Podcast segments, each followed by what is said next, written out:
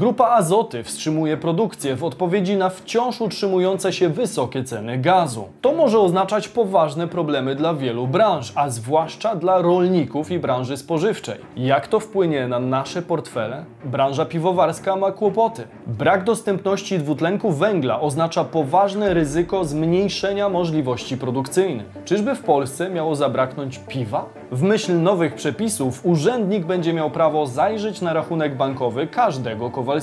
Tajemnica bankowa w praktyce przestaje funkcjonować. Co to oznacza dla naszych portfeli i względnej wolności? Ropa po spadkach znów na poziomie 100 dolarów. Pytanie, czy to już koniec obniżek na stacjach paliw? Dokąd zmierzał pieniądz w tym tygodniu? Sprawdźmy to.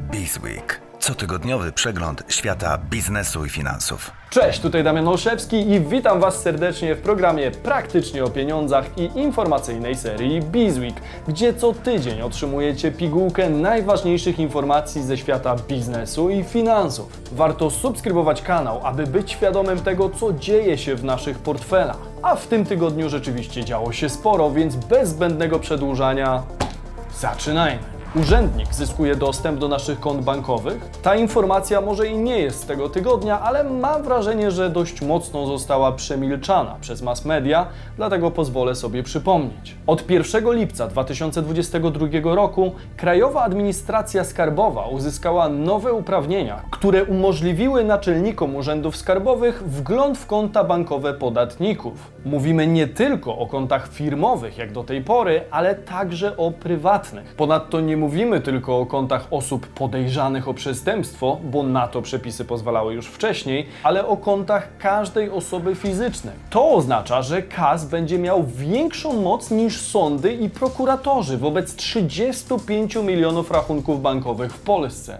Nawet prokurator w postępowaniu karnym nie ma dostępu do informacji objętych tajemnicą bankową w postępowaniu przygotowawczym, kiedy nikomu nie są postawione konkretne zarzuty. Mówi Tadeusz Białek, prezes Związku Banków Polskich. To błąd w sztuce legislacyjnej czy zamierzona zmiana? Luiza Pieprzyk, była urzędniczka, a obecnie audytorka podatkowa, nie pozostawia wielu złudzeń. Tak naprawdę będą mieli totalnie całkowity pakiet e, przeglądania naszych finansów, właściwie wszystkiego. E, nie sądzę, że to był przypadek, e, mówię to jako były urzędnik, żeby zabawa w słowa była przypadkowa, żeby wyrzucić słowo podejrzany osoba fizyczna. Mogę nagrać dla Was na ten temat specjalny odcinek, abyśmy mieli okazję szerzej omówić konsekwencje tej zmiany i kierunek działania władzy w kontekście możliwej inwigilacji obywatela. Dajcie znać w komentarzu, jeżeli chcielibyście taki odcinek zobaczyć. Możliwe, że już niebawem nie będziemy w stanie powstrzymać urzędnika od zajrzenia głębiej w nasze portfele. Skoro nasze konta bankowe stają już powoli otworem, to zabezpieczmy chociaż inne dane, które również mogą wyciec z naszego komputera, tableta czy telefonu. Surfshark VPN udostępnia dodatkową barierę ochronną dla naszych danych w sieci, dzięki której nasze hasła, zdjęcia czy inne zasoby stają się po prostu bezpieczniejsze. Dzieje się tak dzięki możliwości szyfrowania aktywności w sieci, zmiany IP lub włączenia trybu kamuflażu. Dodatkowo możemy też przełączyć lokalizację swojego sprzętu na inny region świata i uzyskać dostęp do zasobów internetu niedostępnych w Polsce. Surfshark to również jedyny VPN, który możemy zainstalować na dowolnej liczbie urządzeń, a do tego dostajemy też 30-dniową gwarancję zwrotu pieniędzy, gdyby się jednak nie spodobało. Z kodem Damian Olszewski możecie przetestować sami Surfshark VPN, zyskując 3 miesiące za darmo i 83% zniżki na ich usługę. Link zamieszczam w opisie i przypiętym komentarzu. Branża piwowarska i spożywcza u progu problemów z produkcją. W minionym tygodniu głośna była informacja o problemach kolejnej branży. Tym razem jest to branża, o której nie dyskutujemy na co dzień, natomiast mówiąc żartobliwie, jest dość istotna dla sporej ilości Polaków. Mowa tutaj o branży piwowarskiej, która zmaga się z dużym problemem związanym z brakiem dwutlenku węgla. O problemach z dostępnością dwutlenku węgla mówił już wprost Carlsberg Polska. Jednak aktualna sytuacja jest dostrzegana nie tylko przez ten koncern. Dyrektor generalny Związku Pracodawców Przemysłu Piwowarskiego w Polsce, Browary Polskie, Bartłomiej Morzycki, mówił w Business Insider, że to olbrzymi problem, który dotyczy wszystkich producentów piwa i zresztą nie tylko piwa. Po czym dodał, że brak dwutlenku węgla stanowi bezpośrednie zagrożenie dla ciągłości produkcji. Ponadto warto wskazać, że sprawa nie dotyczy tylko piwa, lecz ogólnie całej branży spożywczej. Jak mówi dyrektor Morzycki, jest to składnik używany właściwie przez wszystkich producentów napojów i żywności. Jakie może być ewentualne rozwiązanie tego problemu? Dyrektor Browarów Polski uważa, że całkowite zniwelowanie problemu nie jest możliwe bez przywrócenia dostaw. Potrzebna jest zatem pilna reakcja rządu. Skąd jednak potrzeba reakcji rządu w przypadku problemów branży piwowarskiej? To całkiem oczywiste, ponieważ dwaj najwięksi producenci dwutlenku węgla są kontrolowani właśnie przez Skarb Państwa. Zakłady grupy Azoty oraz Anvil ograniczyły produkcję, przez co branża napojów może mieć problemy z produkcją za sprawą braku dwutlenku węgla, a reszta handlu z produktami wymagającymi niskich temperatur może napotkać problemy przez braki tak zwanego suchego lodu. Jak rozwinie się ta sytuacja? Miejmy nadzieję, że ostatecznie zostanie opanowana, ponieważ nie chodzi tu tylko o piwo, lecz o całą branżę spożywczą. Jak zwykle będę informował Was o dalszym przebiegu działań rządu i kluczowych spółek w tej sprawie, zarówno tutaj, jak i na moim Instagramie. Warto na niego zajrzeć, jeżeli jeszcze Was tam nie ma. Ropa po spadkach znowu rośnie. Czy OPEC Plus ograniczy dostawy? Ostatnie tygodnie przyniosły nam na szczęście spadki na ropie, co poskutkowało tym, że nasze portfele nieco odetchnęły przy płaceniu za paliwo. Jednak czy ten trend zostanie utrzymany? Jak wskazuje agencja Reuters, ceny ropy poszły w górę w związku z perspektywą na to, że grupa producencka OPEC Plus może ograniczyć dostawy ropy. Ropa Brent przebiła poziom 100 dolarów, którego dawno już nie widzieliśmy. Ponadto wzrost widać również na ropie WTI, która w ciągu tygodnia wzrosła o ponad 3,5%. Tak jak wspomniałem, głównym powodem jest to, że rynek bierze pod uwagę możliwe obniżenie produkcji przez OPEC+.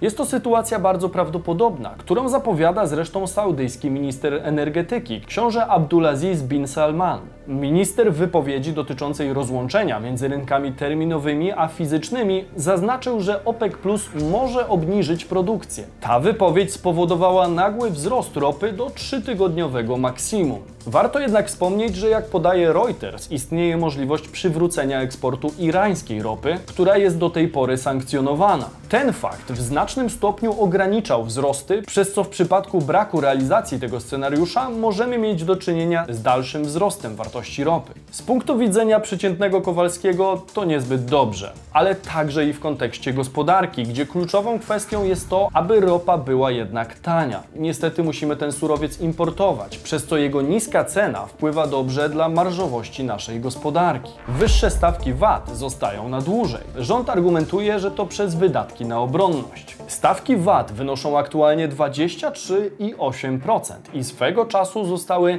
tymczasowo podwyższone o 1 punkt procentowy. Ta tymczasowa podwyżka miała miejsce w 2011 roku podczas rządów PO i PSL w celu złagodzenia spadku dochodów budżetowych w okresie globalnego kryzysu finansowego. To akurat, moi drodzy, nie pierwsza taka sytuacja, dlatego zawsze warto szeroko otwierać oczy i uszy, kiedy jakakolwiek władza mówi o tymczasowych zmianach, ponieważ ich tymczasowość potrafi być względna. Początkowo wyższy poziom VAT miał obowiązywać przez dwa lata, jednak od tego czasu termin powrotu był kilkakrotnie przesuwany, także zarządów aktualnej koalicji. Trzy lata temu ustalono nowe zasady, zgodnie z którymi powrót do podstawowych stawek miał niejako z automatu następować m.in. przy spadku zadłużenia państwa poniżej 43% PKB. Tak się składa, że warunek ten został spełniony w zeszłym roku, co miało wiązać się z obniżeniem tymczasowych stawek VAT po 12 latach, czyli w 2023 roku do poziomu 22% i 7%. Tak się jednak nie stanie. Rząd przyjął projekt ustawy, który zakłada utrzymanie wyższego wyższego podatku w przyszłym roku. Jaki jest tego powód? Rządzący uzasadniają to skokowym wzrostem wydatków na obronność. Ponadto od 2024 roku wprowadzony ma zostać nowy mechanizm dotyczący przedłużenia okresu obowiązywania podwyższonych o 1 punkt procentowy stawek VAT. Który tym razem ma być skorelowany z poziomem wydatków przeznaczonych właśnie na finansowanie potrzeb obronnych. Mianowicie, jeżeli te wydatki przekroczą 3% PKB, mechanizm zostanie utrzymany. W obecnej rzeczywistości geopolitycznej bardzo możliwe jest, że wydatki obronne będą stanowić minimum 3% PKB, przez co raczej prędko nie zobaczymy niższych stawek VAT. Jak uważacie, doczekamy się kiedyś powrotu tymczasowych podwyższonych stawek podatku VAT do wcześniejszej normy? Dajcie znać w komentarzu. Recesja w strefie euro coraz głębsza. Najmocniej dotyka Niemcy i Francję. W strefie euro mamy do czynienia z coraz to gorszą sytuacją gospodarczą. W sierpniu drugi miesiąc rzędu maleje aktywność w gospodarce. Co warto wskazać, oprócz sektora przemysłowego, również sektor usługowy ma coraz gorsze odczyty. We wtorek firma S&P Global podała odczyt zbiorczego PMI obejmującego sektor przemysłowy i usługowy. Odczyt zmalał w sierpniu do 49,2 punktów z poziomu 49,9 punkta w lipcu. Jest to de facto zbieżne z oczekiwaniami ekonomistów. Warto jednak wskazać, że każdy odczyt poniżej 50 oznacza, że więcej przedsiębiorców dostrzega pogorszenie swojej sytuacji w porównaniu do poprzedniego miesiąca. A im niżej od 50 punktów, tym bardziej spada aktywność w gospodarce. Patrząc narodowo, według S&P Global spowolnienie gospodarcze w największym stopniu dotyka Niemcy i Francję, czyli największe gospodarki wspólnoty. Ciekawe jest to, że poza tymi krajami aktywność ekonomiczna w strefie euro wciąż rośnie, choć i tak dość słabo. Ta informacja pokazuje, jak ogromny wpływ mają Francja i Niemcy na oddziaływanie w strefie euro oraz po części również na decyzje m.in. Europejskiego Banku Centralnego, który póki co jest bardzo obojętny wobec dramatycznej inflacji w krajach bałtyckich. Patrząc na te dane z perspektywy Polski, warto przede wszystkim wskazać dokładny odczyt PMI u naszych zachodnich sąsiadów. W Niemczech zbiorczy PMI w przemyśle i usługach zmalał w sierpniu do najniższego od połowy 2020 roku poziomu, dokładniej 47,6 punktów. Jest to wynik naprawdę niepokojący. Dlaczego mówimy akurat o tym przypadku? Niemcy, co by o nich nie mówić, są naszym największym partnerem gospodarczym, a nasze gospodarki są dość mocno ze sobą powiązane. Tak słaba sytuacja w Niemczech może mieć wpływ na najbliższe wyniki gospodarcze również i w Polsce. Miejmy jednak nadzieję, że z uwagi m.in. na nasze bezpieczeństwo energetyczne oraz w miarę stabilną sytuację, najbliższe odczyty nie przyniosą nam zbyt dużego pogorszenia stanu gospodarki. Grupa Azoty wstrzymuje produkcję przez drogi gaz. Jaki będzie to miało wpływ na rolnictwo i nasze portfele? Grupa Azoty w ostatnich dwóch dniach poinformowała o mocnym przykręceniu mocy swoich fabryk, tłumacząc to dramatycznym wzrostem cen gazu, który jest głównym surowcem do produkcji nawozów. Powszechnie wiadomo, że ceny gazu są obecnie dziesięciokrotnie wyższe niż jeszcze rok temu. Przez ten fakt może mocno ucierpieć branża spożywcza, a także klienci indywidualni, czyli każdy z nas. Grupa Azoty poinformowała, że w konsekwencji rekordowo wysokich cen gazu ziemnego produkcja w fabrykach została częściowo ograniczona w Tarnowie, Puławach i Kędzierzynie-Koziu. W Tarnowie czasowo zatrzymane zostały instalacje do produkcji nawozów azotowych, kaprolaktamu oraz poliamidu 6.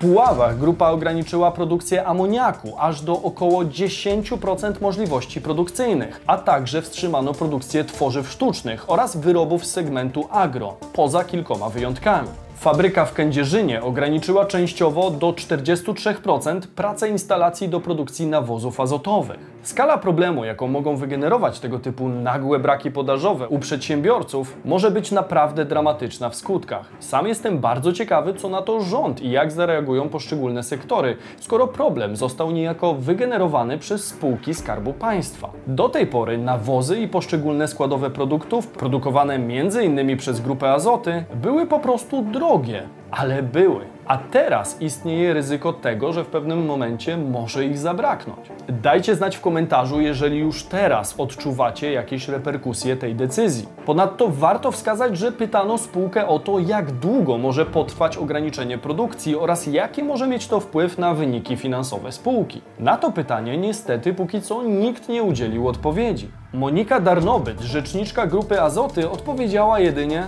Grupa Azoty stale monitoruje poziom cen wszystkich surowców oraz rentowność procesów produkcyjnych i na tej podstawie będzie podejmowała dalsze decyzje biznesowe. Równocześnie zapewniła, że produkcja na pozostałych instalacjach prowadzona jest na zaplanowanym wcześniej poziomie. Uzyskaliśmy jednak odpowiedź na to, czy decyzja spółki może skutkować niedoborem nawozów na rynku. Konkretną odpowiedź udzielił wiceprezes zarządu Grupy Azoty Puławy, czyli puławskiej spółki należącej do Grupy Azoty, Jacek Janiszek, w czwartkowej rozmowie z Radiem Lublin. Nawozów w najbliższym czasie w Polsce nie zabraknie, taka jest nasza opinia, zapewnił Janiszek, cytowany przez PAP. Dodał, że Azoty jako grupa mają ponad 120 tysięcy ton zmagazynowanych nawozów. Biorąc pod uwagę, że w sezonie jesiennym nie jest tak duża aplikacja nawozów azotowych jak w sezonie wiosennym, to w związku z tym problemów być nie powinno, stwierdził Janiszek. Podobnego zdania jest minister rolnictwa Henryk Kowalczyk. Grupa Azoty ogłosiła zaprzestanie produkcji nawozów, jednak zapasy na jesienne stosowanie są wystarczające. Na wiosnę sytuacja może być jednak trudna, mówił wicepremier. Aktualna sytuacja branży spożywczej, a także klientów indywidualnych, według prognoz spółek i ministra,